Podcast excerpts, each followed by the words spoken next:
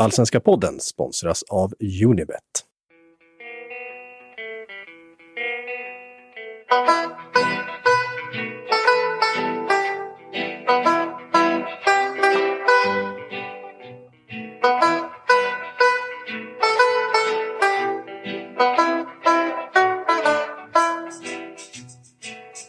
Det är som vanligt en liten överraskning också. Ja, det är bra. Kanske inte så överraskande i och för sig. Hej och välkomna till den allsvenska podden som görs i samarbete med Robert Laul och Per Boman. Det är jag som är Laul och det är du som är Boman. Hej Per! Hallå! Dagens avsnitt kommer ju mitt under årets första långa uppehåll. Allsvenskan har ju rusat fram till 18 omgångar och precis som serien ska vi stanna upp lite, reflektera. Vad står vi? Hur mår lagen? Vad ska de göra nu? Men framför allt, vad står du Per Boman i frågan vilken plats på listan placerar du Christopher Nolans elfte film Tenet som har haft fet premiär sedan vi poddade sist? Om man, tar, om, man tar, om man tar, Nolan har gjort elva filmer, men vi kan strunta i Following för den har ingen sett. Men tycker du att Tenet, eh, placerar du den före The Dark Knight? Nej. Före Interstellar? Nej. Före Batman Begins? Nej. Före The Dark Knight Rises? Nej. Före The Prestige? Nej. Före Dunkirk? Nej. Före Inception? Nej. Före Insomnia? Jag har inte sett. Då Memento eller? Nej, har har du sagt Memento? Nej, eller? jag har kommit till den. Före Memento. Mm. Nej. Då placerar du alltså Nolans nya film Tenet på, om jag hängde med rätt nu, nionde plats av hans eh, elva filmer eh, och de övriga två har du inte sett. Det är, alltså Precis. det är Nolans sämsta film, är det vad du säger till mig? Så är det. Jag har ju bara sett den en gång och det jag kan säga är att eh, eh, att det är klart att det fanns många adrenalinstinna scener som, som gjorde att det var underhållande. Problemet var att jag la ner alldeles för mycket tid på att fundera på hur allt hängde ihop. Samtidigt som jag inte var särskilt engagerad i att lägga ner tid på hur allting hängde ihop. Eftersom jag inte brydde mig om en enda nästan av eh, rollfigurerna. Eh, i slutet av filmen kände jag som att jag satt och kollade på ett tv-spel också.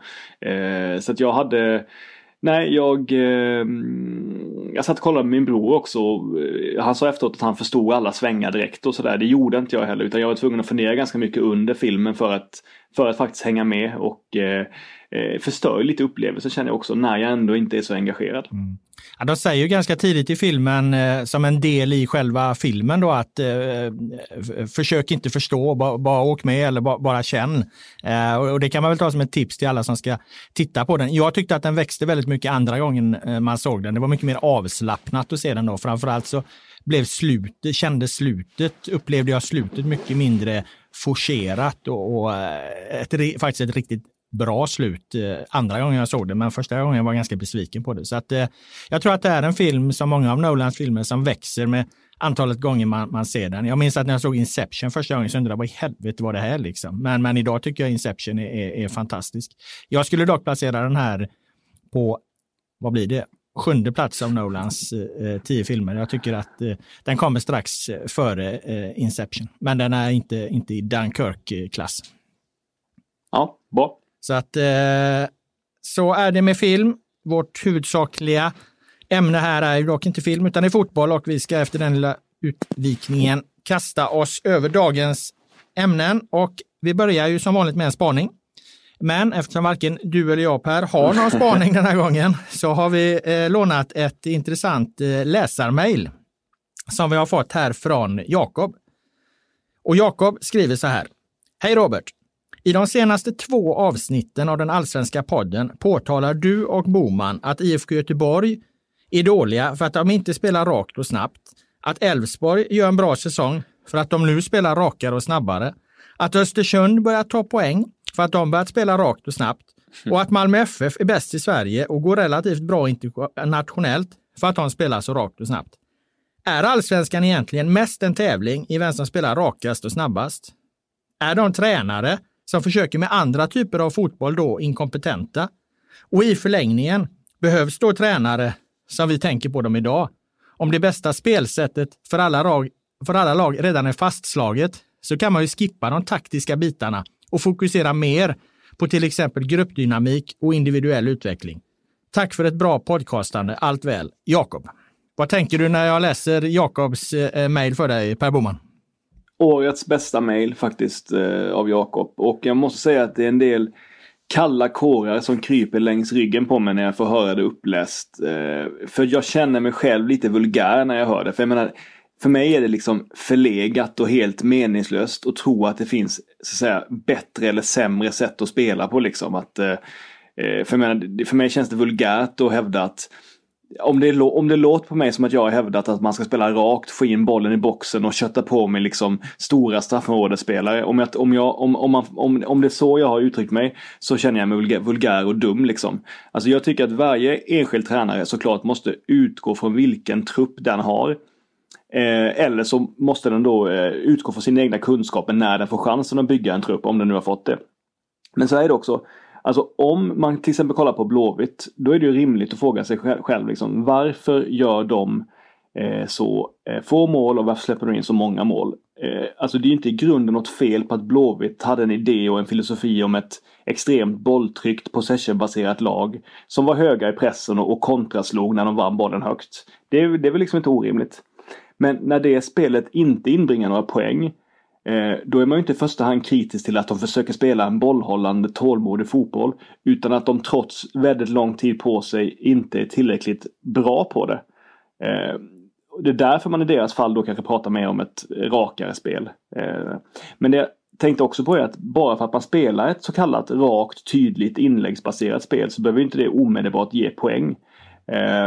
Det kan göra för att man inte torskar matcherna stort eller att man, liksom, att man ser helt underlägsen ut på planen. Men om man inte är duktig på att anfalla på det sättet så är inte det en given universallösning. Det är bara att titta på AIK till exempel som vi ska gå in på lite närmare senare i avsnittet. Så att det var ungefär det jag tänkte på när jag hörde det välformulerade och träffande mejlet. Jag känner väl kanske inte riktigt eh, mig lika vulgär som du då eftersom jag eh, ändå bottnar i, i, i de här uttrycken eh, känner jag. Men eh, däremot så, så kanske vi ibland att man, man beskriver det lite slarvigt eh, mm. som rakt och snabbt för att det, det, det, det ligger en större betydelse i det än att det bara är, är eh, rakt och snabbt. Jag menar, det finns ju några, det finns ju några eh, vad ska man säga, jag vet inte om de har forskningsstöd, men i alla fall statistiskt underbyggda eh, metoder för att vinna fotbollsmatcher. En, en som liksom egentligen har identifierat dem tidigt under sin tränarkarriär och sen har hållit fast vid dem hela vägen är ju till exempel Eh, Eh, Lasse Lagerbäck som eh, ja, men tittar på hur, hur görs mål i fotboll, hur avgörs fotbollsmatcher och, och så försöker man liksom förstärka dem, de delarna.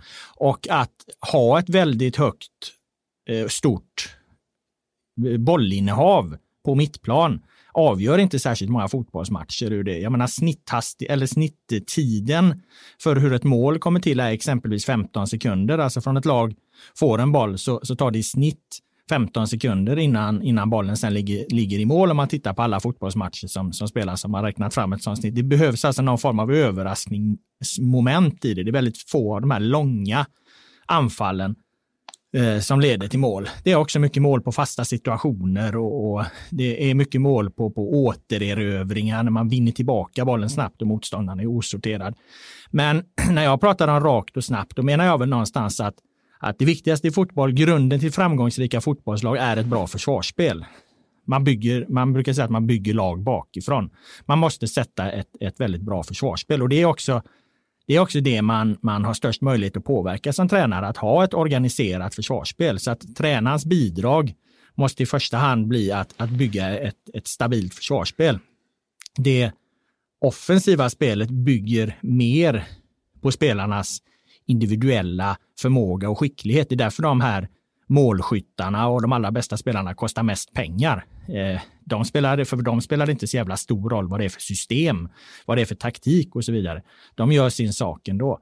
Men, men om man då ska få liksom utveckling på en tränare eh, så, så, handlar det om att i grunden sätta ett väldigt, ett väldigt, väldigt välorganiserat försvarsspel och, och eh, sen då ha idéer om hur man ska göra framåt och locka så bra spelare som möjligt till klubben eller till föreningen helt enkelt.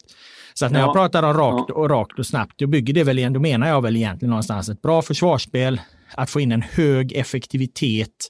Och det har ju också visat sig att ska man vinna en serie så är det det, det, är oftare lag som släpper in färre mål som vinner serierna till slut, som är allra bäst, än de som gör flest mål. Jag menar, Hammarby gjorde överlägset flest mål i fjol. De vann inte allsvenskan. Alltså grunden till att, till att bli absolut bäst är ett bra försvarsspel. Och eh, eftersom han även nämnde Malmö FF här. Ska du komma någonstans i Europa, ja då måste du ha, du måste ha effektiviteten, du måste ha försvarsspelet, du måste också ha en, en, en betydligt större fysik än vad som finns i, i, i många av de allsvenska lagen. Alltså du måste ha den hårdheten, den internationella hårdheten, annars spelar det ingen roll hur fint man trillar boll, eh, då kommer man ingen vart. Det finns ett historiskt undantag på det här och det är ju Östersund. Då, men de, de räknar jag med som en anomali. Alltså man, man, kan liksom inte, man kan inte hänvisa till att vi ska göra som Östersund för att chansen att någon gör om det Östersund och Potter gjorde på det sättet Östersund och Potter gjorde, det, det, det kommer ske lika ofta som vi får fram en ny Zlatan ungefär. Det, det, det, går liksom inte att utgå från att göra det igen. Det är betydligt bättre att titta på exempelvis Malmö då som, som med det mest mm. fysiska laget eh, gör bra resultat i Europa. Jag vänder mig emot lite att du bygger upp Potter som en halvgud som är omöjlig att liksom ta efter. Liksom. Alltså jag, jag, Nej, inte bara Potter, alltså att, hela, att, hela kombinationen där med att de fick in mm. de spelarna och så. Jag, jag ser inte att någon Nej. med den begränsade budgeten kommer ta ett svenskt lag till en, vad fan gick de till, till förbi gruppspelet i Europa League. Det kommer inte hända på, på 25-50 år liksom.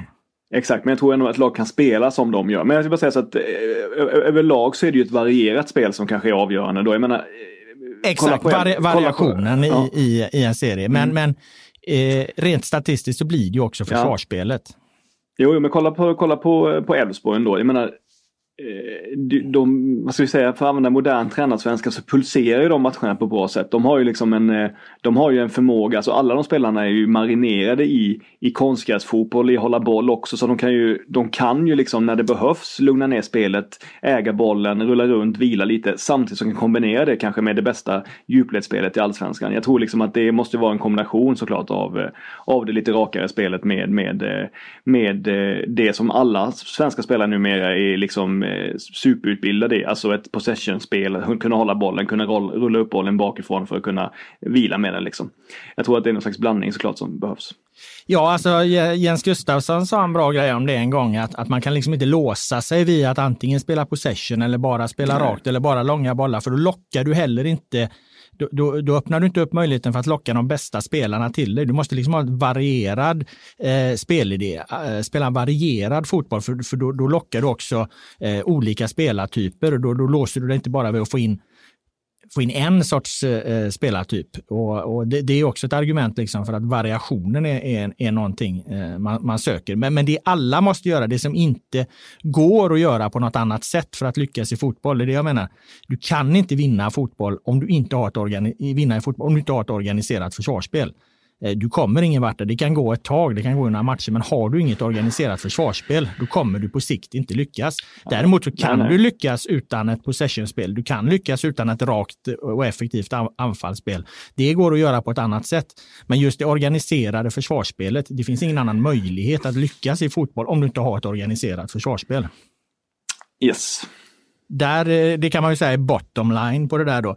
Så att vi kanske använder det där uttrycket lite lite slarvigt eh, emellanåt, men nu har vi i alla fall rätt ut vad, vad, vad det är vi menar med det. Jag hoppas Jakob och eh, eh, alla andra blir nöjda med det svaret. Eh, vi ska gå över till veckans största ämne i fotbollsallsvenskan och det har ju onekligen varit för och efterspelet till Helsingborg-Djurgårdens eh, Helsingborg mot Djurgården. Eh, coronamatchen där så att säga. Och Per Boman, var det rätt att spela fotboll mellan HIF och Djurgården på Olympia i söndags.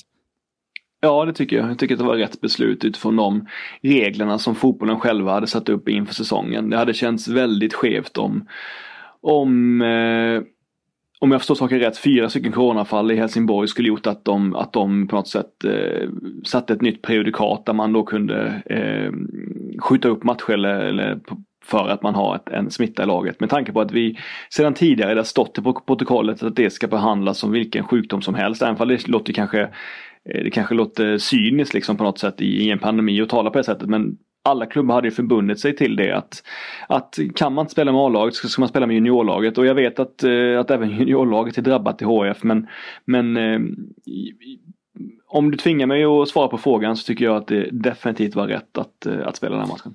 Ja, eh, Uefa har väl kommit med någon regel nu kring 13.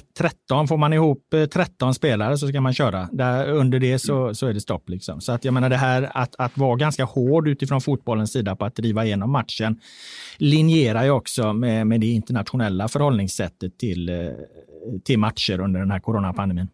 Vad tycker du själv då? Nej, jag har ju uttalat mig i frågan och jag är ju precis på samma linje som dig att eh, eh, ingångna avtal gäller. Det är ju det här man har förbundit sig till och jag menar man har ju tagit höjd för situationen med att det skulle komma coronafall. Man har diskuterat igenom det och då då blev, tyckte jag att, att eh, Helsingborg, ordförande Naselius, där de mer eller mindre resonerar mot bättre vetande. Eh, just eftersom man redan har tagit höjd för den här problematiken att du skulle kunna hamna i en situation med många coronafall. Jag menar det, det har vi pratat om tidigare i den här podden, långt innan det här så kallade protokollet fanns då, att, att eh, det är klart att eh, vad fan gör man ifall det blir stora coronautbrott? Kommer man vara tvungen att stänga ner allsvenskan då? Och innan protokollet så tror jag att både du och jag tänkte att ja, det kommer innebära att då får ju serien pausas om det blir en en, ö, en ny stor ökad smittspridning i samhället. Sen kom det här protokollet där man väldigt tydligt sa att nej, vi ska göra på det här sättet. Och, och, ja, då får man ju också se till att, att göra på det sättet fram till att man eventuellt bestämmer att man ska göra på något annat sätt. Nu har man ju det här eh, landslagsuppehållet på sig att, att samla klubbarna och titta, behöver, behöver vi förändra protokollet? Vad, vad, lärde vi oss av den här situationen?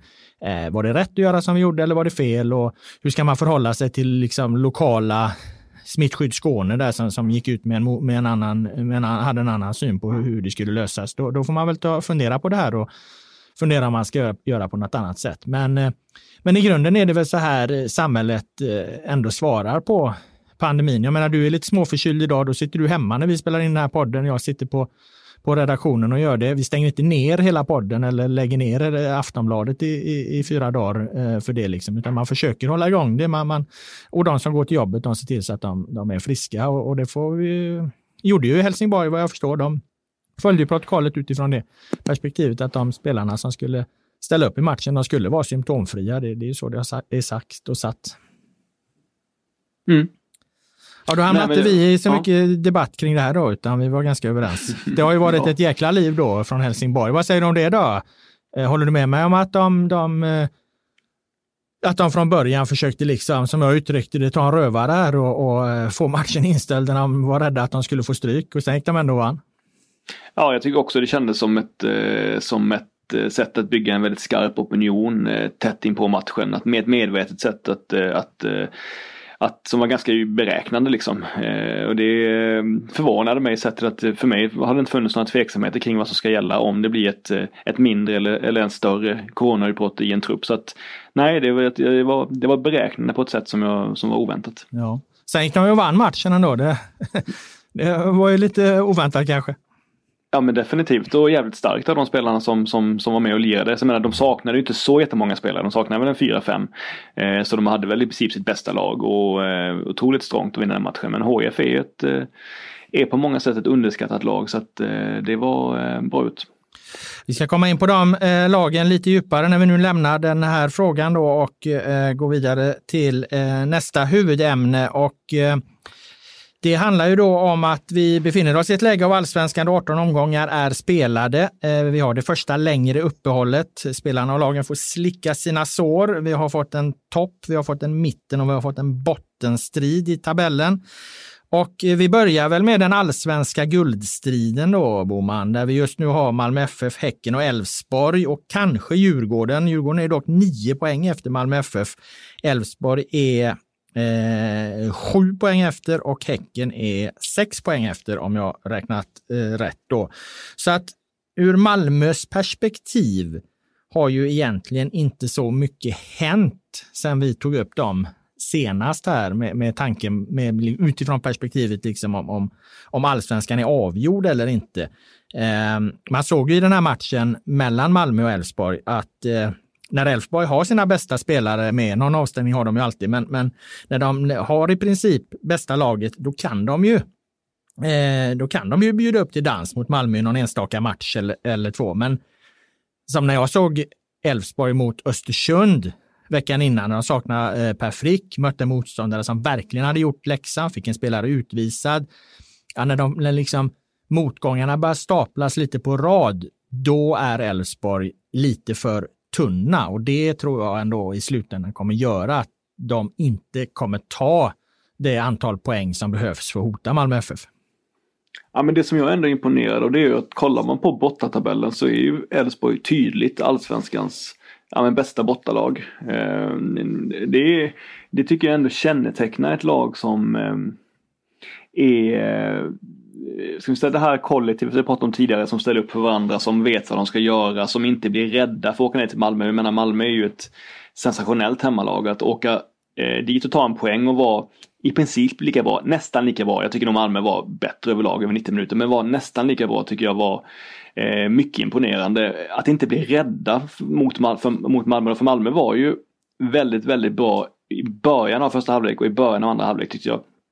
Eh, eller de hade en period i första halvlek och en period i andra halvlek där de pressade ner Elfsborg fullständigt och skapade jättemycket chanser. Eh, och ett, ett, eh, ett vekare lag, ett lag med sämre självförtroende tror jag hade vikt ner sig där vid. Men det gjorde verkligen inte Elfsborg utan gång på gång under matchen så, så vinner de mycket boll högt upp. De, de går i jättefina djupledslöpningar som de får stor utdelning av och skapar säkert 7-8 bra chanser borta mot Malmö. Så att, eh, det tycker jag var eh, mycket bra gjort.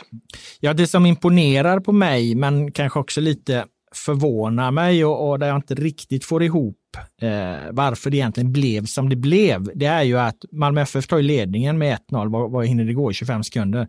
Mm. Eh, och att Malmö får ledningen med 1-0 på sin hemmaplan så extremt tidigt. Eh, vi vet att första målet oftast vinner matcherna, men att de inte egentligen kan, kan utnyttja det på något sätt.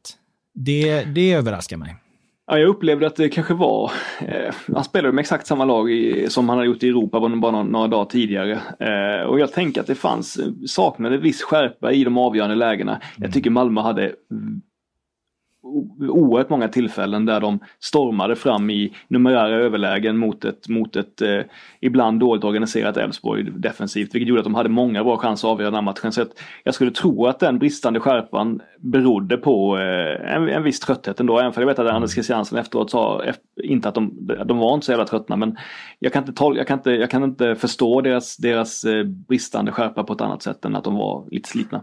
Nej. Och den, eh, det kommer ju bestå ifall det går som Malmö vill eh, under hösten här med, med Europa och så. Eh, å andra sidan har de ju hanterat det förr. Eh, visst, nu vann inte Malmö guld i, i, i, fjol, men jag menar vad fan var de till slut? De var en poäng efter Djurgården, så det var ju egentligen inte, man, man kan ju liksom inte dra något, man kan ju inte säga att Malmö förlorade guldet för att de inte klarade tvåfrontskriget. De klarade ju egentligen eh, tvåfrontskriget i fjol och de har ju någonstans en, en, en trupp som ska göra det i år också. Eller ska kunna göra det i år också.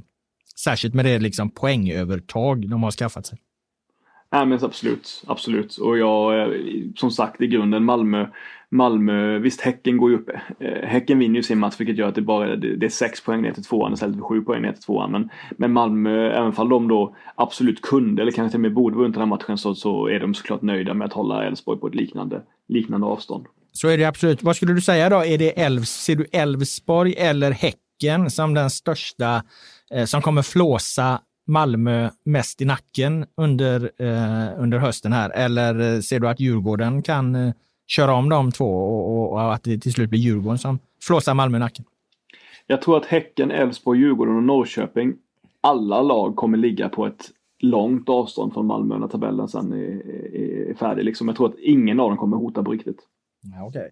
Vem är starkast av de tre då? Om vi, ställer, om vi tar upp diskussionen utifrån från det perspektivet. Om vi säger då att okej, okay, ingen, ingen hotar, förmodligen kommer ingen kunna hota Malmö här. Eh, men däremot så kommer det bli, bli en kamp mellan tre, fyra lag om de två eh, Europaplatserna. Jag tror att Norrköping fortfarande kommer att vara ett av lagen som tar Europaplats faktiskt. Det låter ju konstigt i denna, i denna kris som laget är i. Men jag ja. tror att de kommer resa sig igen och ta en Europaplats tillsammans med Elfsborg. Du räknar bort Häcken då, eh, som ju är det laget som just nu flyger bäst? Nej, men jag räknar inte bort dem. Häcken har absolut alla möjligheter. Men om du bad mig svara på, på, på vilka jag trodde skulle eh, hota mest om Europaplatserna och då tror jag mer på Elfsborg och, och Norrköping ändå. Även om jag har varit imponerad av Häcken senaste tiden så, så eh, är jag inte 100% övertygad. Nej, för det var det jag tänkte vi skulle komma in på där. Häcken, du såg ju eh, AIK och Häcken där. De eh, vann ju mot eh, AIK för första gången på, på 250 år på bortaplan, -huh. ungefär. Eh, så de har ju de har brutit ganska många trender i år skulle jag säga, Häcken ändå. Eh, de, de, de eh, har absolut inte haft samma problem mot, mot storlagen som de har gjort sig kända för eh, tidigare. Och sen så halkade de ju under den här säsongen in, in i en period där de inte kunde vinna på bortaplan. Och nu vinner de mest hela tiden på bortaplan och de vinner mot, mot så kallade storlag på bortaplan. Så att de har ju, det här känns som en säsong då Häcken besegrar sina spöken. Ja, men det är, det är möjligt. Sen så kanske de inte har samma dunderdominans sen mot de, mot de sämre lagen som de har haft förut. Eh, men det som utpräglar, det som är tydligt för Häcken är ju att de har ett så bra försvarsspel nu. Mm. De är ju eh, de är ju ett, eh, det har de varit flera år nu, det är ju den här gamla gladfotboll-Häcken som är naiva är ju ett tag sedan de var. Jag vet inte ens om de har varit det någon gång under, under Alm. Men jag menar, de har ju satsat hårt på att ha en bra backlinje. Nu är Adam Andersson petad, Sota som ju har kommit in jättebra. Mm. Ett av allsvenskans bästa mitt, mittbackspar i Toivo och, eh, och Lindgren. Och godståget, Ekpolo till höger som vi tycker om mycket. Och sen ett, ett sittande mittfält. Om vi kollar på andra lag, kollar på Hammarby som ofta ställer upp med eh, Bojanic och eh, Jeppe Andersson eller Bojanic eller Kalili. Man kollar på Norrköping som kan ställa upp med Fransson och, och Tern eller eh, ja, och så vidare. Så har, ju, så har ju Häcken ofta två stycken defensiva innermittfältare. Gustav Bergen och, och Falseta slash Friberg. Jag vet att Friberg är ett spelgeni men han är också liksom, duktig i defensiven. Han är ansvarsfull där vi. Så de har ju ett, ett relativt, de har ju inte det här sjukt offensivt balanserade laget som de haft, som kanske hade förr i tiden. Nej, det har de inte och de i mittfälts, eller så, som ett sånt defensivt centralblock så är det väl Häcken och Djurgården egentligen kanske som har den starkaste där. Djurgården, när de har sina mittbackar på plats i, ihop med, med Ulvestad och, och, och Karlström eh, jämfört med då eh, Toivio och Rasmus Lindgren och, och sen eh, Friberg Berggren i, i, i Häcken. Då. Det, väl, det, det, det påminner väl om varandra strukturmässigt där. Ja exakt, sen har exakt Elfsborg har ju också på senare tid nu kört ju både Holst eh, och, eh, och eh, Sivet Nilsen som är ett jävla eh, rövarpack ändå defensivt där. Men jag tänkte på anledningen till att jag kanske håller ändå Elfsborg lite före Häcken fortfarande i jakten på Europlatsen. Det är så att jag tycker nog ändå att Per Frick är bättre än Söderlund och och Tominen. Jag tycker att eh, Jesper Karlsson, Rasmus Alm trots allt är vassare än Ahmed Yasin och Leo Bengtsson. Och sen tycker jag att det är ganska jämnt den här säsongen mellan Irandust och eh, Simon Olsson, även fast klart Simon Olsson är mer, mer av en eh, spelfördelare än poängspelare. Och Irandust tvärtom. Så, så, så, så det är väl därför ändå som jag kanske tror att Elfsborg kommer verkligen vara med längre i Europaspelet än, än Häcken. Jag tycker att den spaningen är klok. Eh, jag, jag, kan säga så här om Häcken, hade de haft liksom samma kvalitet eh, på sin anfallsspets eller i, i, bland anfallarna som de har i övriga delar av laget, då hade de haft ett i princip komplett lag. Vi pratade om i fjol om det, att Elfsborg, eller att Häcken egentligen hade ett, ett på många sätt eh, komplett lag. Eh, sen tappade de ju Paulinho och eh, Jeremejeff och den, den anfallskraften har ju inte, har ju inte ersatts. Eh, däremot är de ju egentligen bra i alla andra delar av eh, eh planen, spelet. Eh, särskilt när de tog in Pontus Dahlberg då som ersättare för målvakt eh, Abrahamsson, här Alexander. Men, men de har liksom inte den, den spetsen, den klassen, den effektiviteten längst fram, det som egentligen kostar pengar. Och Ja, det är möjligt att det blir så som du säger, att det till slut då eh, kommer att bli avgörande. Å andra sidan har de andra lagen sina bekymmer också. Här. Jag menar Elfsborg, ja absolut, Frick håller jag också som bättre, men, eh, men de, de, är ganska, de är ganska känsliga ifall de får, får ett par av sina nyc bärande nyckelspelare borta Elfsborg där. De känns inte lika breda tycker jag som, som Häcken. De har inte lika många alternativ som Häcken och, och eh, kanske inte heller som Djurgården och framförallt inte som Norrköping då, men, men Norrköping ja, i den här diskussionen har vi placerat Norrköping som ett mittenlag. De är ändå 11 poäng efter, efter Malmö FF. Jag menar, de, de, de, de, de kommer ju aldrig bli inblandade i någon guldstrid Norrköping. Det tåget har gått för dem. Men vi ska ta dem lite senare där. Eh, men så att ja, det är väl, de har sina brister de här lagen och det, det, fan, det känns som lite hugget som stucket, stucket vilka, vilka som egentligen kommer ta de här eh, två övriga Europaplatserna. Mm. Enig, men är det inte dags för Norrköping då? Har vi inte kommit ner på dem? Har vi, eller, ja, vi kan väl bara kort beröra Djurgården då som mm. ju är lite intressant här. Att de åkte till eh, Eh, och spelade sin Champions League-kvalmatch som de förmodligen eh, har laddat för på många sätt hela den här säsongen. Jag menar, det, det, det är ju en jävla stor grej för spelare att få, få chansen att, att kvala till Champions League och sen så tog du det där slut innan det knappt han börja.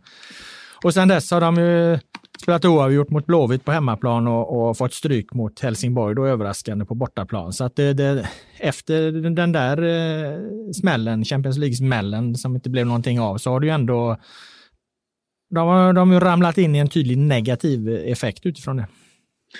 Ja, det är ju intressant med Djurgården. Det är liksom de, de enda konstanterna i Djurgården, det är ju på något sätt eh, målvakt, ytterbackar, alltså Vittry, Augustinsson och sen Karlström, Ulvestad. Eh, det är egentligen de som alltid, alltid spelar känns det som. Och sen så spelar väl Berg nästan alltid bredvid Une Larsson, men det är ändå Nyholm ibland och så vidare. Mm.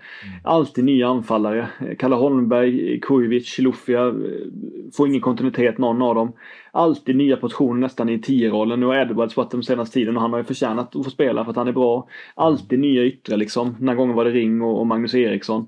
Så det känns som att eh, jag förstår att de har roterat mycket. Det har varit en säsong där man ska rotera mycket men jag upplever också att det är väldigt få offensiva spelare i, i Djurgården som har haft eh, ett positivt flow under säsongen.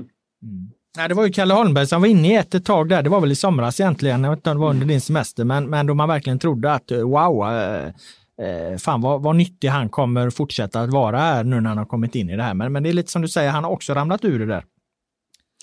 Ja, och sen så jag menar, jag menar Djurgården har liksom inte så mycket att skylla på egentligen. Kolla på bänken de har mot, mot HIF. Då har de ändå Reletinac, Holmberg, Käck, Kujovic, Vajo, Kevin Walker. Det är väldigt bra allsvensk bänk. Eh, har bra spelarmaterial så det är ju upp till till eh, Lagerlöf och, och Bergstrand att göra, göra det här bättre helt enkelt. Att få in ett större självförtroende hos spelarna. Att, eh, Ja, och så vidare och så vidare. Det är faktiskt väldigt svagt och, och eh, att åka ner till Helsingborg och förlora sett till förutsättningarna. Ja, jag tror att eh, som sagt, eh, jag har varit inne på det extremt många gånger, att, att, att, dra slutsatser utifrån det som händer här. Man måste alltid lägga in corona, eh, coronabidraget i, i eh, ekvationen. Och Vissa lag har plågats och påverkats eh, av det mer, andra mindre. Jag menar, vi ser ju IFK Göteborg och AIK ligger nere i botten. Det hade ingen räknat med. Vi ser eh, eh, Hammarby som blivit mittenlag. Det hade ingen räknat med. Och, och vi ser att Djurgården har eh, eh, sina problem med, med, medan andra uppstickare då går bättre. Så det, det finns ju också någonstans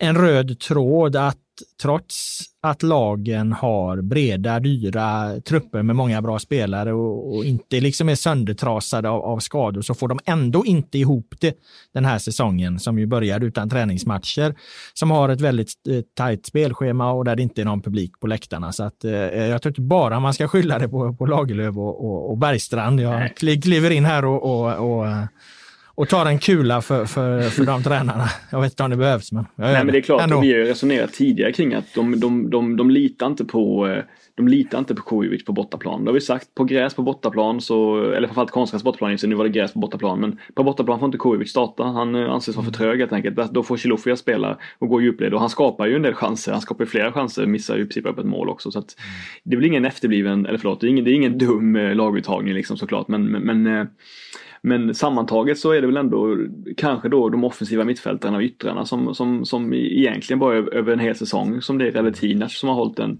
en godkänd form utifrån sina förutsättningar. Sen skulle jag vilja kasta in en sista grej kring Djurgården också, eh, som jag funderar på ett tag. Och det är ju också den här, eh, den här, det som vi pratade mycket om i fjol, det som vi pratade mycket om på vägen in i den här säsongen, att Djurgården, det var ju väldigt tydligt 2019 att de fick det här flowet. De kalla det överprestera. De överpresterade eh, lite i, i, i matcherna hela tiden egentligen. De var på en nivå som, som, som vi inte trodde att de skulle vara på och, och som de kanske heller inte, liksom, om man tittar på, på ekonomin de hade lagt på spelarna, den var lite högre. Alltså, det var ju en överraskning att de vann allsvenskan eh, 2019. Eh, och när vi tittar på Djurgården 2020 så blir det ju automatiskt det man jämför med. Man tänker varför kommer de inte upp i, i samma nivå? Varför flyter det inte på på samma sätt? Men det är liksom svårt att, att, eh, att upprepa samma sak från en säsong till en annan. Eh, det räcker liksom att man tappar det här flowet, man tappar några bärande spelare i Danielsson och, och Buya Turay och så ska man göra något lite annat. Då, då är det borta liksom och då kan man egentligen inte kanske jämföra så mycket med, med, med hur jävla bra det egentligen var 2019, utan jag, jag landar ändå i Djurgården att någonstans så, de ligger väl egentligen där de ska ligga. Ja, men det är en giltig poäng. Eh, det är en giltig poäng. Ja, det hade varit bra om de utmanade om Europaplatser förra året. Då vann de istället så därför ja. är kraven lite, lite för höga nu. Så jag, jag ja, ja. Accepter, accepterar helt enkelt den poängen. Blir Djurgården fyra, liksom femma, trea, fyra eller femma så, så är inget av det en succé och inget av det en fiasko någonstans. Liksom, utan det, det, det, det en rimlig prestation helt enkelt. Eh, därmed lämnar vi Djurgården och toppen, eh, eller så gör vi inte det, men vi, vi, vi, vi, går i alla fall över till det vi har kallat ett mittensegment och börjar där då med IFK Norrköping som man ju får fråga sig här då, ska vi kalla dem för ett topplag eller ska vi kalla dem för ett mittenlag? Ja, men jag tror ju att de kommer komma tillbaka. För jag menar, alltså, jag såg nu matchen mot ÖSK i efterhand. Jag menar, de har ju så jäkla mycket, många verktyg. De kanske gör, gör mål på princip alla sätt fortfarande. De har dels eh, i första hand nu med det här lite med 4-4-2 så har de ju ett eh, fantastiskt djupledsspel med Nyman och, och, Pontus Almqvist. Det är ju liksom Elfsborgs klass på det djupledsspelet. Det är fantastiskt fint och de skapar jättemycket chanser på det sättet. Nu låg de, precis som mot Blåvitt om du minns, så låg de ganska lågt mot ÖSK. Lät ÖSK ha en del boll och satsade på kontringar, vilket inte var orimligt. De skapade många, många chanser på det sättet. Det var i princip livsfarliga. Eh, och jag, och jag eh, tycker ju att de, de, kan också göra mål på fast situationer, de kan också göra mål på ett mer eget eh, längre anfallsspel. De kan variera, de har ett av de bästa, mest varierade, bästa anfallsspelen i Allsvenskan såklart. De har gjort flest mål så det är inte, det är inte orimligt. Men samtidigt så är det ju så att om man tar alla Sirius, eller alla förlåt, Örebros mål de gör den här matchen kommer ju på något plan från Eh, individuella misstag från, från Norrköpingsspelare i fel yta på planen, alltså på egen planhalva så tappar de en boll, missar en passning som leder till ett farligt anfall för ÖSK. De kunde gjort fler mål på det sättet, nu gjorde de fyra tack vare att, att de slarvar.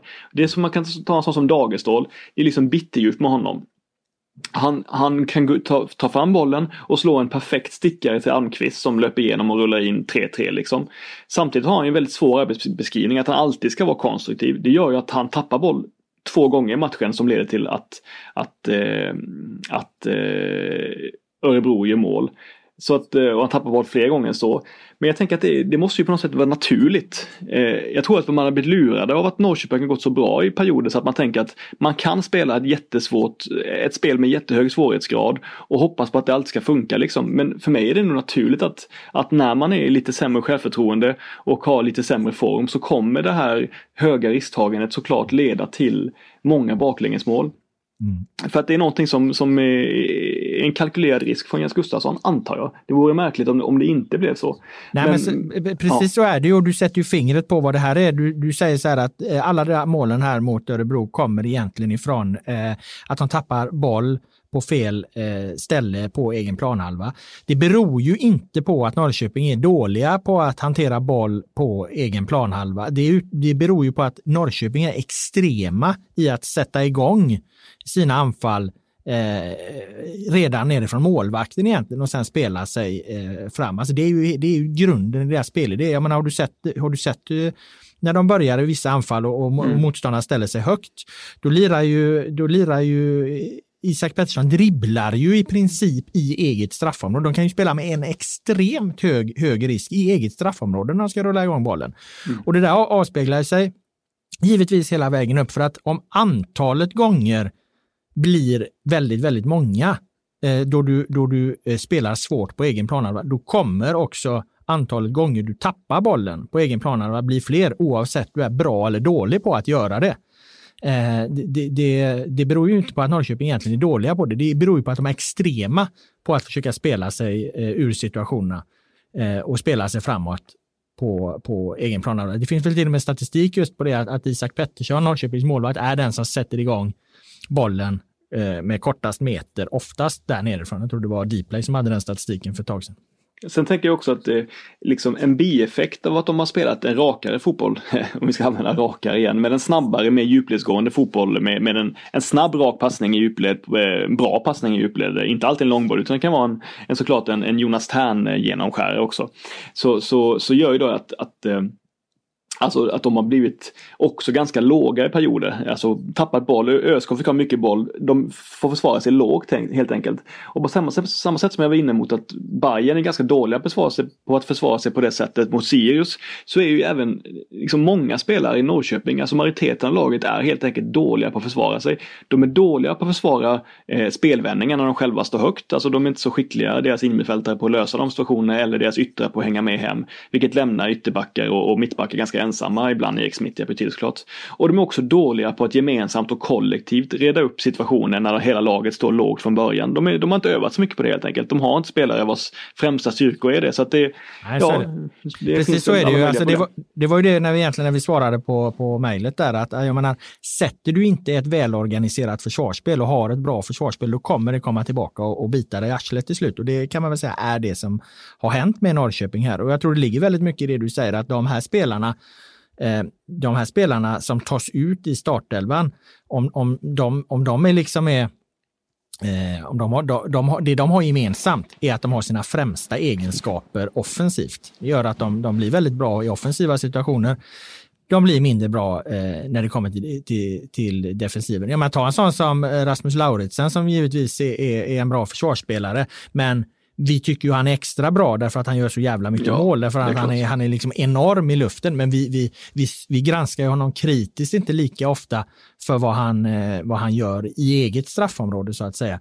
Spelar du med, med Isak Bergman Johannesson som är en jättetalang, men spelar du mm. honom som ytterback så, så är det klart att han blir ofta väldigt synad på, på hur han ser ut i, i de defensiva delarna i pressspel och så. Det blir han även om du spelar honom som ytter, men han spelas ju väldigt mycket för att han är en så stor talang. Men jag menar hela, hela strategin i, i Norr, Norrköping är ju det här höga risktagandet och därför är det liksom ingen slump att de släpper in mål hela, hela, hela tiden. Eh, och eftersom du straffas hårdare av att släppa in mål hela, hela tiden, ja då har du också rasat bak i tabellen som Norrköping har gjort. Jag menar, det behövs nog en, en, eh, de kan fortsätta med, med det här om de vill. Jag menar det, det finns säkert utveckling i det och det kan säkert bli lite bättre, men jag tror de får svårt att klättra så mycket högre i tabellen om de inte stagar upp försvarsspelet ordentligt. Nej, men det är givetvis så, jag menar det är bara, alltså de är, Kalmar släppte in 32 mål, Norrköping har släppt in 28 liksom och Kalmar är sämst med 32. Det är ju urdåligt för, för ett lag som gick för guld och, och nu har det, men han har ändå försökt, det som är lite eh, hemskt för Jens, han har ju försökt, nu spelar han ju naturliga ytterbackar, nu, nu får inte Kastegren spela till höger eller Krogar spela till vänster längre utan du, eller Isak Bergman får inte heller spela ytterback. Nu är det ju liksom senast nu var det Telo till vänster och mm. Linus Wahlqvist till höger. Men att sätta ett organis välorganiserat, nej, men, men att sätta ett välorganiserat försvarsspel, ja, ja. jag tror inte du gör det från en match till annan. Nej. Utan här har de gått in på ett, ett sätt. De har haft liksom eh, mittfältare som ytterbackar och så märker de att ja helvete vad motståndarna nu sårar oss gång på gång. Då ska vi ändra det och göra något helt annat. Ja, då kommer det ta lite tid. Eh, det, det, jag tror inte att det är några problem du löser egentligen från, från match till annan. Jag tror också så här, om inte det blir ett totalt spelaruppror på något sätt, vilket inte jag tror det kommer bli, men om det inte blir för mycket ångest och oro i Norrköping på grund av den här väldigt eh, dåliga svackan, då tycker jag som jag sa att de har så pass mycket grejer i sig fortfarande, att offensiva spelet är fortfarande så knivskarpt i perioder att jag är säker på att de, eh, att de kommer resa sig och resa sig kraftigt. Ja, ja, vi får se. Vi la dem i något slags limbo här då mellan mitten och, och, och eh, toppen. I, I övrigt liksom så drar vi väl mitten ner till Örebro då på elfteplatsen där. Eh, de har ju två placeringar från den nionde plats. De, eh, de kommer sluta på, är det något man kan eh, vara säker på med den här allsvenskan så, så är det väl just det. Och vi kan väl säga kort om Örebro då i, i, nu när vi var inne på Norrköping och de precis möttes här att det, det är väl något av det är väl årets prestation i allsvenskan av Dennis Ymmet där att, att eh, ja, i sin debut när han har bytt klubb precis eh, stänka in tre och, och de vinner med 4-3 mot, mot, ett eh, bra motstånd på hemmaplan. Ja, jag ska erkänna att på, när vi gick igenom årets sommarvärvningar och rankade dem så var det någon försynt eh, vikarie till mig, eller vikarie på tidningen som sa så här, ja men Boman, jag har ju glömt hymmet. Och då skrattade jag bara rakt ut på, på redaktionen och tänkte så här, ja men Hymmet är väl en okej okay spelare men han, han är ju inte, jag tycker inte han är en förbättring jämfört med Agom Mehmeti och i Björndal. Jag tycker att det är ungefär samma klass på det liksom. Utan det han kommer inte göra något större avtryck. Han kommer, han kommer inte göra något större avtryck eh, sa jag och i princip klappade någon på huvudet på ett jävligt eh, dumt sätt så här i efterhand då när Hymmet går in och är klinisk Hymmet var inte briljant i spelet liksom på något sätt. Det var han inte. Eh, förutom att han då eh, gjorde det som man alltid säger av en stor anfallare. Han eh, liksom bidrar med fysisk närvaro. Men han var som sagt klinisk i avsluten. Helt jävla sanslös kliniskt. Och det är ju fantastiskt gjort, väldigt bra gjort. När man, med tanke på att Örebro ju så uppenbart har saknat en, en striker som, som kan bidra med det. Så att, nej, där hade man helt fel såklart. Men jag förstår din nedlåtande attityd mot vikarien där eftersom att om det nu är en, liksom, en, en målskytt, en anfallare de söker så, så kändes det definitivt inte som Dennis Ymmet skulle vara någon man man väljer. Det, det är ju inte den spel. Jag, jag kände väl mer liksom att okej, okay, men har de inte de här spelarna mm. med, med, med Besara och så, de, de har ju precis den, den spelaren. Det var väl inte det här eh, de behövde. Det var ju bättre om de hade hämtat tillbaka Strandberg då, att, att få in den liksom eh, kraften och så. Men eh, eh, skulle du säga att han är en, en spelare som kan upprepa det här egentligen? Eller var, var det här liksom ett lyckoskott? Ja, men, uh, Hymmet har ju haft bra perioder i karriären tidigare. Liksom inte fått riktigt chansen eller tagit chansen i Elfsborg.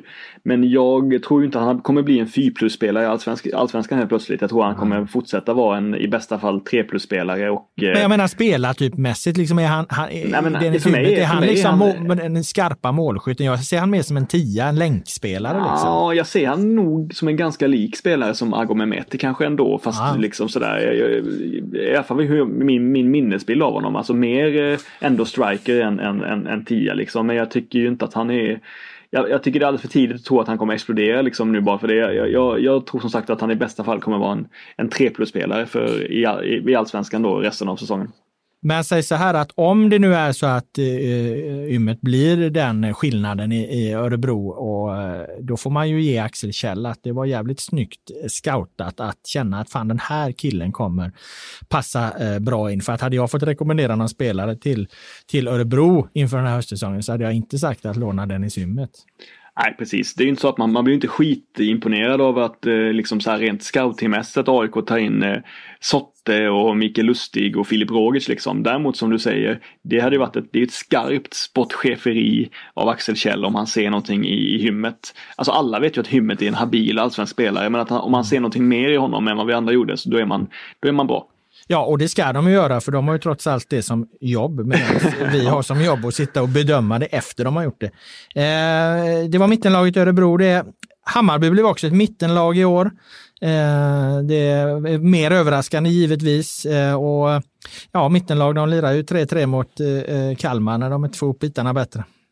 Ja, jag var på den matchen eh, och jag skrev någonting om att för mig var det helt osannolikt att Kalmar kom. I första halvleken så trodde jag att det skulle bli 4-0 till Hammarby efter en halvtimme. Jag tycker att de var, ja de flög fram precis som de gjorde förra säsongen helt enkelt. Det var precis det spelet, precis det flödande spelet. Jag tycker att Kalmar var extremt, försvarade sig extremt lågt men inte på ett bra sätt utan de var ju porösa, ihåliga. Eh, det fanns så mycket ytor som helst att ta in bollarna på. Det var fast liksom ingen, de körde Piotr Johansson som central mittback, vilket han var helt, alltså av tre mittbackar så var han central av dem, vilket han var helt förbluffad av efteråt. Han sa att han aldrig någonsin spelat på den positionen tidigare. Och det märktes lite också tyckte jag.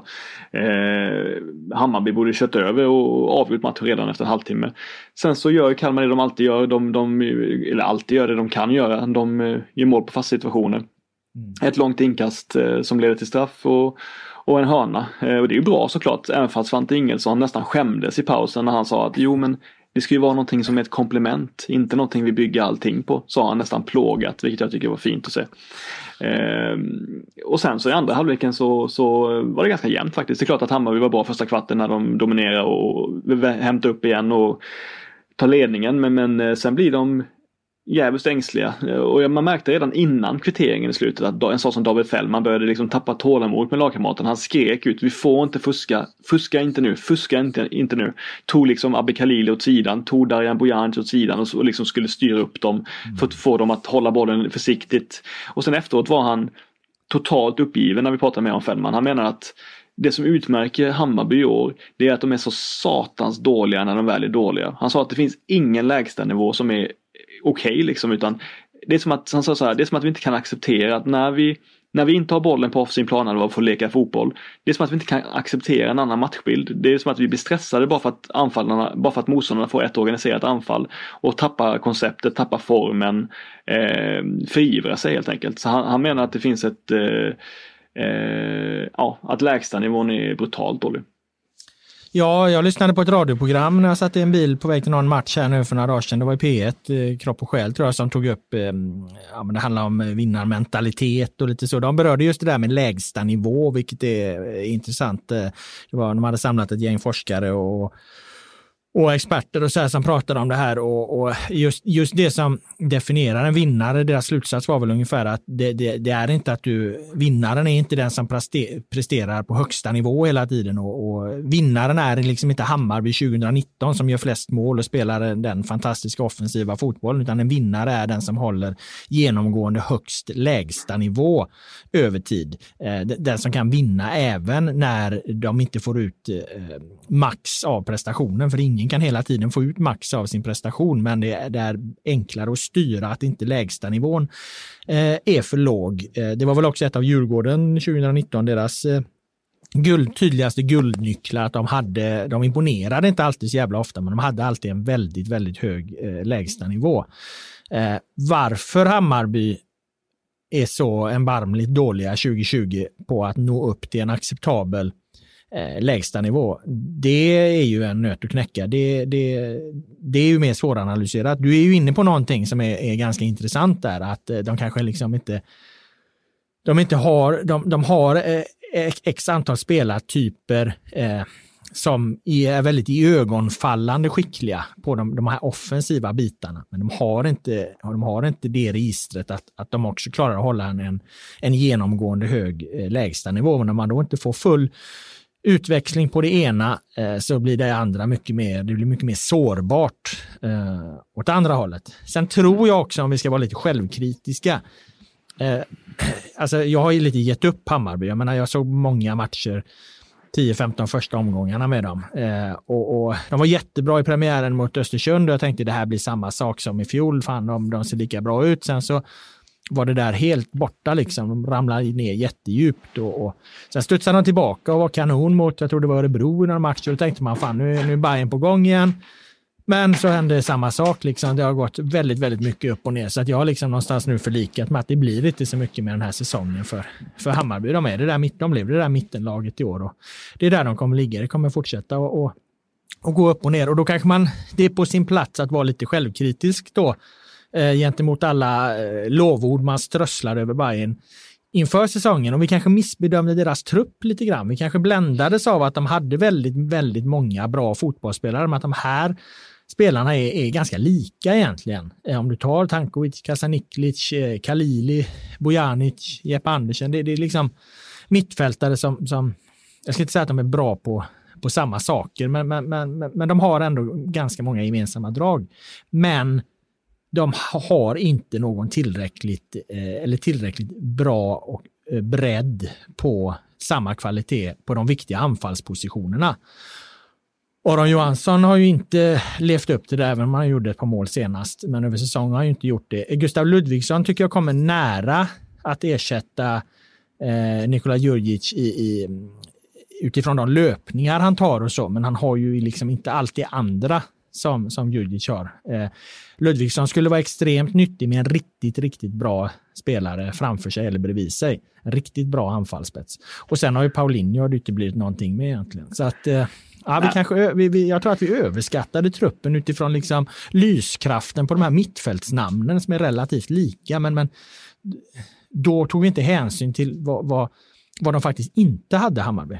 Jag köper väl det på något plan ändå. Jag, tycker ändå att det är ett massivt misslyckande. Och min, min, eh, min känsla är fortfarande jag, jag, kan inte, jag kan inte få bort de här minnesbilderna från när de mötte Mjällby borta. Eh, och fick utvisningar och fick stryk sent. Eh, när de ändå kämpade hårt med en man mindre och fick stryk sent. Den totala paniken som jag kände genomsyrade hela truppen, eh, ledarstaben och även då Jesper Jansson och de satt och gastade på läktarna. Det kändes som att redan där var det som att de hade sån fruktansvärd panik och att det här var på väg att att gå dem ur händerna. Det var ju extremt tidigt på säsongen men jag, jag undrar om inte den var att det helt enkelt så att hela laget och truppen var mentalt inställda på, guld, eh, på guldstrid. Och när det tidigt visade sig att, eh, att man gick på några minor så hade man inte eh, så var man inte mentalt starka nog att kunna mm, snabbt eh, koncentrera sig på en ny match utan låg kvar i det gamla och var liksom eh, eh, rädda eller oroliga för att det här inte skulle bli så bra som man hade hoppats. Jag, jag tror mycket att det är faktiskt att, att de var väldigt ovana vid att gå in som halvfavorit eller favoriter inför säsongen och inte kunnat hantera det. Ja, det, det, är ju det ena. Det andra kan man ju säga att Hammarby kanske är ett av de lag då som har påverkats mest av, eh, även om du har IFK Göteborg och AIK längre ner i tabellen, så kanske Hammarbys eh, den här corona liksom förändringen eh, ändå är, har påverkat Hammarby eh, mest. För att när saker helt plötsligt kastades över ända eh, när, när liksom deras plan såg som mest spikrakt ut och, och allting eh, var som liksom upplagt för, för att det skulle fortsätta gå, gå eh, bra för Hammarby. Då hände någonting som bara, bara över en natt i princip förändrade förutsättningarna helt. Säsongen sköts upp och träningsmatcherna försvann och, och spelschemat tajtades till och publiken eh, får inte vara där. Att, att det där eh, drabbade även Hammarby med, med en våldsam kraft. Eh, och då i det läget att då klara av att ställa om helt. Det, det definierar ju verkligen eh, skickliga yrkesmän. Så att ur det perspektivet håller jag med dig om att det går att betrakta det som ett, ett massivt misslyckande som du sa. Att, att eh, alla de här fotbollsmänniskorna i Hammarby, de klarade liksom inte att okej, okay, nu, nu helt plötsligt nya förutsättningar. Vad fan gör vi nu? Det känns lite som att de körde vidare på på precis som vanligt och hoppades på det bästa istället för att, att, att eh, sätta sig ner och fundera, okej, okay, vad fan kommer det här innebära? Ja, och sen kan de ju faktiskt, de kan ju rädda väldigt mycket genom att gå till, till gruppspel i Europa League. Det är långt bit kvar såklart, men, men med tanke på det, den fördelen de har gentemot många eh, utländska lag att de har den, eh, när de spelar på hemmaplan och har den möjligheten att kunna utnyttja sitt, sitt unika underlag då för, ja, om man ser, ja, Djurgården kan ju också det, men Djurgården är inte ett lika specialiserat konstgräslag som, som Hammarby är. Jag tror ändå att går de till gruppspel till i Europa så är ju såklart mycket förlåtet, eh, eller nästan allt förlåtet, men eh, det är ju en bit kvar till det. Ja, självklart är det så. Nu tog jag det här ur sin, i sin allsvenska kontext. Absolut. Men, men, det gäller ju alla lag som har chans med Europa att det kan rädda säsonger. Eh, I allsvenskan är de i alla fall ett mittenlag och inget tyder just nu på att de ska bli något annat. Ett annat mittenlag som jag såg i eh, senaste omgången, det var ju Eh, eh, Mjällby som spelade eh, 1-1 mot eh, IFK Göteborg i en match som påverkades av ett, att det drog in ett hällregn precis innan avspark. Det blev ganska så eh, svårspelat. Eh, när solen sen kom tillbaka till, till andra halvlek så ryckte Mjällby upp sig eftersom IFK Göteborg hade dominerat första halvleken eh, fullständigt. Det där och spela i det där liksom regnet, det passade inte alls Batanero och kompani. Så att, mm. Tränaren Marcus Lantz gjorde ett trippelbyte i paus som han fick eh, effekt på. Jag ska inte fördjupa mig så mycket i Mjällbys eh, prestation. Däremot var det roligt efteråt för att då intervjuade vi ju eh, Marcus Lantz och ehm, eh, han är ganska rolig att intervjua. Han eh, menade väl för det första på att eh, han funderade på att göra det där trippelbytet redan efter 20 minuter för att eh, Passningsspelet tyckte han var sinnessjukt dåligt, eh, så han funderade på att byta ut tre man direkt. Han, han, han väntade till, till, paus och då sa han att han lika gärna kunnat byta ut elva gubbar, eller i alla fall alla utom målvakten. För så dåligt tyckte han att det var. Eh, och sen gjorde han sina byten och eh, det var han ju nöjd med då att det hade gett effekt. Men jag får lite känslan av att ibland ibland överdriver de det här, det här tränarna. Jag menar, jag satt och såg den här matchen och jag kunde liksom inte se att, att Mjällby var Ja, på Lans lät det som de liksom var 200 procent sämre än vad de normalt är. Så, så, så är det ju inte, utan det känns ju väldigt mycket som att de här tränarna talar till sina egna spelare i, i intervjuerna eh, eh efteråt. Att det, det, det, det snarare är det än, än för att, att, att det var så sinnessjukt dåligt. Det var, då, det var liksom inget jag har kunnat upptäcka utifrån att eh, hur jag har sett Mjällby i, i, tidigare matcher. Visst, de var lite sämre, men det var ett jävla regn liksom. Blåvitt ganska bra i första halvlek och, och som sagt, det var några spelare som inte hanterade det så bra. Batanero till exempel som mest sprang runt och halka. Eh, men sen var han en rolig Lans också för att han eh, jag tror han påpekade tre gånger, för att intervjun gled ju lite in på IFK Göteborgs problem och så. Han bor ju i Göteborg och pendlar till, till Listerlandet, till Sölvesborg. Det är en satans väg att köra. Jag vet inte om han kör varje dag, men, men, men det är ju liksom 30 mil enkel väg och, och 30 tillbaka då. Eh, och det är liksom, det är ju ingen, ingen fyrfilig motorväg de där sista, vad fan är det nu 10-15 milen. Det är en evighet och man ska in i landet där, ja du kan ju det där, du har bott i den där avkroken. så att, eh, ja men det kan man ju förstå att han när, när liksom när Poya Asbagis eh, framtid, eller ja, kanske inte just det, men när IFK Göteborgs problem kom på tal, det pratade ju Marcus Lantz väldigt mycket om. Jag tror han som sagt påtalade tre gånger att han bor i Göteborg sedan, sedan åtta år. Och, äh, att, han, han var också väldigt tydlig med att säga att IFK Göteborg har ett väldigt, väldigt bra spelarmaterial. De är alldeles för bra för att, att ligga där de ligger. Jaha, vad menar du? Att problemet sitter högre upp slängde jag in då. Det kanske inte var riktigt beredd på den frågan då, för då hamnar ju, då blir det ju lite känsligt. Så att då, då det, det duckar han väl undan då liksom. Eh, men betonade att Göteborg som stad liksom är förtjänt av ett, ett riktigt bra fotbollslag och så. Jag fick lite känslan av att om IFK Göteborg skulle göra en, en, en byte på eh, på, på tränarpositionen och ställa frågan till Marcus Lantz så hade han inte tackat nej. Nej, han lät ju inte osugen direkt på det du, eh, på det du eh, berättade nu och han har säkert kunnat göra ett, eh, ett bra jobb där. Eh, men, men eh, om, du, om man tar Blåvitt då. Eh, är kryss mot Mjällby en enorm missräkning sett till hur laget ligger i tabellen just nu och formmässigt eller är det bara någonting man, de får räkna med att köpa?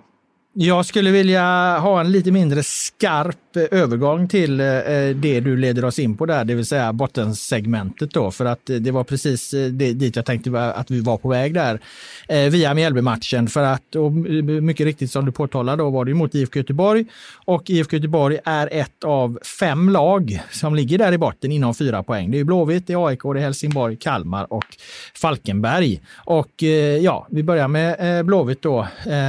Och ja, eh, du anar, eller du kanske har svaret själv där eh, utifrån hur du ställer frågan.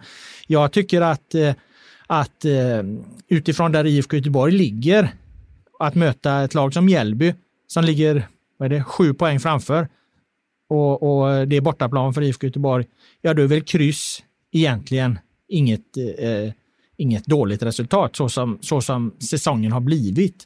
Men jämför man förutsättningar eh, på alla andra sätt. Alltså tittar man på hur pengarna IFK Göteborg lägger på sin trupp, tittar man på spelarna som de har, har kallat hem, eh, tittar man på övergången till den liksom fotboll de nu försöker spela, ja då är det klart att det, det, det här är en match som IFK Göteborg i grunden ska vinna. Eh, men så har ju inte säsongen blivit, utan säsongen har ju blivit så att IFK Göteborg får inte ut eh, det eh, de borde få av sina spelare, av, av den här truppen, av det här spelarmaterialet. Det, det spelar ingen roll hur man, hur man jämför det, eh, så, så, så är det klart att, att eh, IFK Göteborg har fått ihop, vad, vad, är det, 17 poäng på, på de här 18 matcherna. Eh, lägger du, ja, jag vet inte exakt vad budgeten ligger på i år, men jag menar, de hade 140 miljoner i omsättning. Eh, Mjällby går väl runt på 25-30 miljoner. Så att eh, utifrån det perspektivet så, så är det självklart att, att IFK Göteborg ska vinna en sån match. Men så har ju säsongen inte blivit för dem och det är ju ingen, ingen nyhet, utan de får väl någonstans vara vara glada för de poängen de, de kan skrapa ihop. Nu har de ju liksom kastat den här processen över bord på många sätt eh, som, som, som de har förlitat sig till i, i många herrans år här. Nu är det ju, nu var ju medelåldern 27 år i Göteborg. Eh, det är nog den högsta den har varit på ett tag. Så att man satsar ju dels inte just nu i alla fall på, på unga spelare, utan nu, nu handlar det om att spela en rakare och enklare fotboll med äldre och mer rutinerad spelare för att ta de poäng som behövs för att inte åka ner under strecket. Och ja, det, rimligen så är ju inställningen att ja, det ska de väl lyckas med, med nu när de har förstärkt truppen ytterligare. Eh, men de har ju inte fått någon, någon utväxling på någonting de har gjort tidigare egentligen, så att vi får väl se. Ja precis och det andra laget i, i samma kategori där eh, som också har förstärkt mycket dyrt och mycket gammalt eh, i sommar är ju såklart AIK. Jag var ju på deras match mot Häcken och jag beskrev eh, matchen som jag tyckte att den var. Jag tycker att eh, sen Bartosz tog över så har det varit ett eh, nästan parodiskt enkel fotboll med en lång boll upp på en anfallare, eh, vidare ut på kanten och sen ett inlägg. Eh, eller så har det varit en eh, lång, lång boll rakt typ ut på kanten och sen ett inlägg och sen kanske enstaka tillfällen lite mer ihopnystande kopparsinspel. Men i grunden så ett väldigt, väldigt rakt spel. Eh, de har säkert jag skulle tippa på att de har mellan 20 och 30 inläggsförsök mot, mot eh, Häcken, mot ett stabilt Häcken och det leder väl till en het chans och kanske fyra, max fem halvchanser om jag ska vara generös. Eh, jag tog reda på det innan matchen. AIK är det laget i allsvenskan som har absolut eh, färst eller minst antal skott.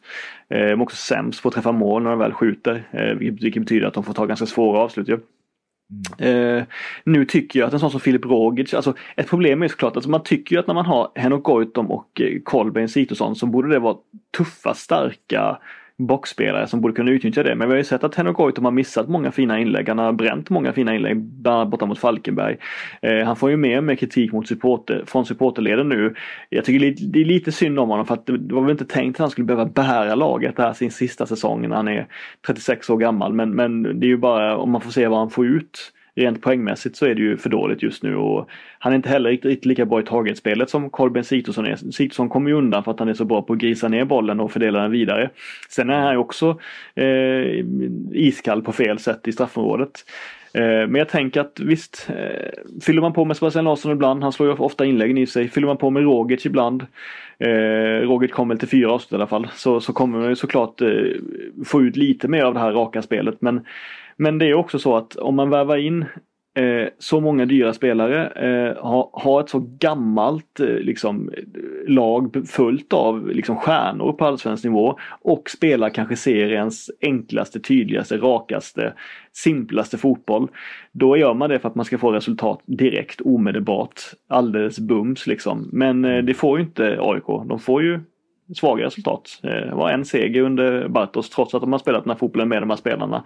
Så att eh, det är, eh, nej, det är illavarslande. Jag menar för, för AIK. Jag menar det, Östersund har börjat vinna. Eh, eh, vilka mer bottenlag som har börjat vinna? Det är ju eh, Helsingborg har börjat vinna enstaka matcher. Mm. Det, kan även, det kan även Kalmar och, och, och Falkenberg göra. Så att nej, det här ser läskigt ut. Ja, man ska rangordna eh, Göteborg och AIK där då som har liknande eh, problem så, så har ju AIK, de har ju gått eh, hela vägen till eh, den fotboll som du beskriver. Alltså det, är väldigt tydligt med, med, med lång boll och, och eh, kamp. IFK Göteborg har ju, har ju liksom hamnat i något Eh, Eh, de försöker hitta ett mellanläge av det här och, och, nå en mer varierad anfallsfotboll och det tror jag i grunden är rätt. Eh, det, det, man ser på dem nu då det är att eh, istället för att det blir långa sjok av bollflyttande på offensiv planhalva så eh, försöker man ganska, ganska snabbt komma i ett läge där man hittar en, en, en lyftning eller en, en direkt boll mot eh, Wernblom eh, eh, på topp. Och det gav ju faktiskt det första målet mot, mot Mjällby där. Eh, det var Jakob Johansson som kröp ner i den här Anders Christiansen-ytan där som en tredje mittback eh, lite åt höger och så satte han in en halvhög boll och så hoppar Wernbloom över den och så blev Paka Lagemyr eh, helt plötsligt eh, fri där. Så det där var ju ett på många sätt perfekt mål utifrån hur de, hur de eh, vill göra. Nu gäller det ju då att liksom systematisera det och, och eh, skapa eh, eh, chanser på många, på ofta, återkommande chanser på det sättet. Och dessutom ha lite andra alternativ. Men jag tycker ändå utifrån om man ska jämföra hur IFK Göteborg spelade och vad man såg att de ville göra eh, mot, mot Mjällby så ja, det, det, är nog så de, det finns inte så många andra alternativ. Utan det, är, det är precis så här de måste göra. Det här kommer på ett eller annat sätt betala sig eh, rent anfallsmässigt. Men då har ju då också andra lagets prestation. Jag menar, du, du, IFK Göteborg släpper fortfarande till en del chanser bakåt. De måste liksom sätta sitt försvarsspel. Annars kommer det inte hjälpa att de blir lite bättre framåt. De, de, de måste ha ett, ett välfungerande, en välfungerande defensiv också. Och den tyckte jag fungerade hyfsat även mot Mjällby. De plockade ner eh, Ogbo bra och Bergström, Jakob Bergström blir utbytt i paus så att eh, eh, det, det fungerar också bra i den här matchen. Så att eh, eh, rent spelmässigt så, så, så var det här ett steg i rätt riktning. Men så som den här allsvenskan har varit så det är så jäkla svårt att dra några slutsatser. Kommer det här innebära att, att, att Blåvitt fortsätter på den vägen eller blir det ett bakslag nu i nästa match? Det, det, det, man har blivit lurad många gånger i det här, någonting som ser lovande ut och sen så blir det ändå ingenting. Vi hade ju AIK som vann en match här och nu var de tillbaka i en förlust. Eh, det, det är ju någonting grundläggande i båda de här lagen som inte fungerar i år.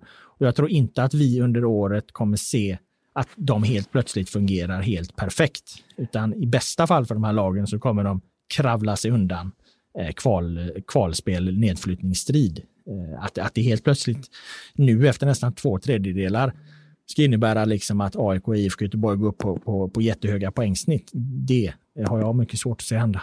Ja, men jag, jag, tror, jag tror väl att AIK, det har jag sagt tidigare, men jag tror väl att de kommer eh, kommer eh, komma igång. Men, men en sak till jag tänkte bara snabbt, det kanske är tråkigt, men jag tänkte på kring inläggsspelet är att du vet, eh, man säger det, man kanske beskyller, det är tufft för Goitom och, och, och Sigurdsson att båda var de som eh, får ner alla bollar och sen fördelar vidare och hinner in i straffområdet. Jag menar, det kanske är svårt att spela den fotbollen om man, om man på andra sätt har gått tillbaka till fembackslinjen med tre mittbackar som står och väntar plus Ado framför. Det är trots allt fyra spelare som som konstant hänger kvar ganska långt ner plan. Det ställer, och jag menar, Robert Lundström och Erik Karl är fina killar men om Robert Lundström slår, back, slår inlägget från högkanten så tror jag inte Erik Karl kommer hinna med på bortstolpen från vänsterkanten sett till att de ändå har mer defensivt ansvar än offensivt ansvar. Det är liksom ganska höga krav på, eh, på eh, eh, på Rogic, Sebastian Larsson, eh, Sitosson och eh, Goitom att, att, att hinna in i straffområdet. Jag menar det kanske är lite för defensivt balanserat. Man kan ju inte få allting. Nu har de fått en större defensiv trygghet, släpper in färre mål. Men samtidigt har de ju oerhörda problem att få in bollen. Det kanske beror på att de är så pass eh, ja, defensivt balanserade helt enkelt. Ja, men så är det ju. Jag menar, eh, mycket med inläggsspel och så, det handlar ju om att få in, till, att få in många spelare i boxen. Mm. Om du inte har liksom några extremt skickliga eh, ja, eh, straffområdesspelare som, som nickar in varenda inlägg, vilket väldigt få lag har, så handlar det om att, att få in mycket spelare i, i, i straffområdet när inspelen kommer. Då ökar chansen att du, att du gör mål. Men, men om du liksom, om du har hamnat i ett så utsatt läge liksom, så du måste prioritera defensiven först, då stannar du med x antal spelare så som du beskriver att AIK gör och då kommer bli det mycket svårare för dem att få in, få in eh, alla de här spelarna som behövs i, i boxen. Det är ju det här den eviga filten liksom. Mm. Drar du ner den eh, och värmer tårna så fryser du överkroppen och, och ska du värma överkroppen då fryser de tårna. Det är ju den här e, e, e, eviga dilemmat som uppstår när det inte flyter på, när, när lag inte är i harmoni, när, när rätt beslut inte tas eh, hela tiden. Jag menar, man kan ju inte alltid, om man ska ha, hitta en, en fungerande nivå på det hela, så kanske man inte alltid kan, kan eh, sticka in i straffområdet för många, men man kan göra det vid exakt rätt eh, tillfälle och då ska ju alla spelare värdera alla tillfällen samtidigt så att alla eh, eh ungefär gör det på samma gång utan att man eh, blottar sig för mycket bakåt. Och i lag som, inte, lag som hamnar i disharmoni och som inte fungerar eh, blir ju de här besluten helt enkelt fel. Och jag kan tänka mig att det är det som uppstår här i, i AIK-matchen. Mm. Och det är väl delvis också det som uppstår när, när IFK Göteborg nu går från ett sätt att spela till ett annat. Eh, nu handlar det om att få alla spelare här att göra lite samma sak enligt det nya sättet att spela. Nej men bara snabb sista utvikning, utvikning kring det. Jag menar jämför det med det Ove Rösles Malmö som du och jag alltid varit väldigt positiva till men som han fick ganska mycket skit för sin så kallade stenåldersfotboll att det var bara inlägg och vad är det för gammaldags liksom 90-talsspel. Men jag menar kolla på hur, hur eh, beslutsamt och Eh, liksom eh, välorganiserat. Malmö alltid kom in med fan minst fem sex personer nästan i, varenda sånt anfall. Eh, eller i många sådana anfall per match när de fyllde på med mycket, mycket spelare på ett väldigt liksom ja, men strategiskt sätt, inte på ett slumpmässigt sätt utan de, de spelade ett spel som passade deras trupp och som de utförde på väldigt bra sätt. Inte på ett slumpmässigt sätt som många jag tyckte verkade ibland försöka brännmärka det som när man ville eh, håna Rösle lite. Så att eh, ja, man kan ju, det, det, är inte, det är inte helt enkelt att spela på det viset som vissa verkar tro. Nej, för att knyta ihop eh, hela diskussionen med där vi egentligen började det här programmet då, inte med Christopher Nolan utan med läsarmejlet där. Så att eh, jag menar att spela rakt och enkelt, det är ju inte bara att göra. Det måste ju också göras med kvalitet och med, med eh, exakthet, med noggrannhet. Och eh, Ove Rösler är väl ett utmärkt exempel på, på en som lyckades med, med det på ett bra sätt i, i fjol. Och det innebar ju också att, att eh, Malmö tog sig ut en bra bit ut i Europa.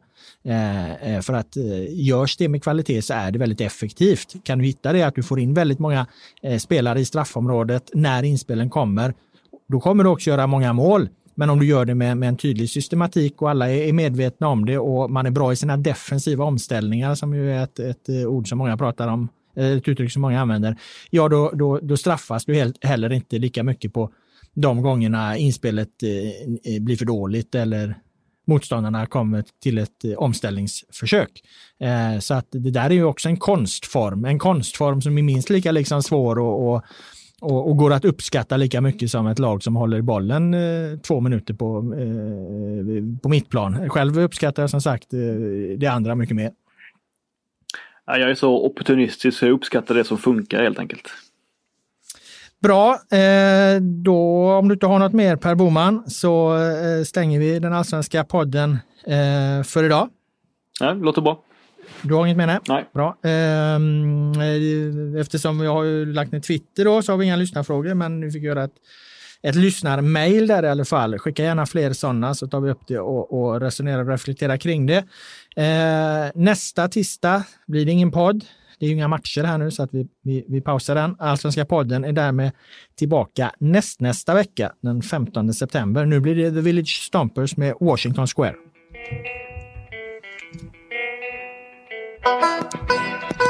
Eh, ja, jag är med. Jag är med.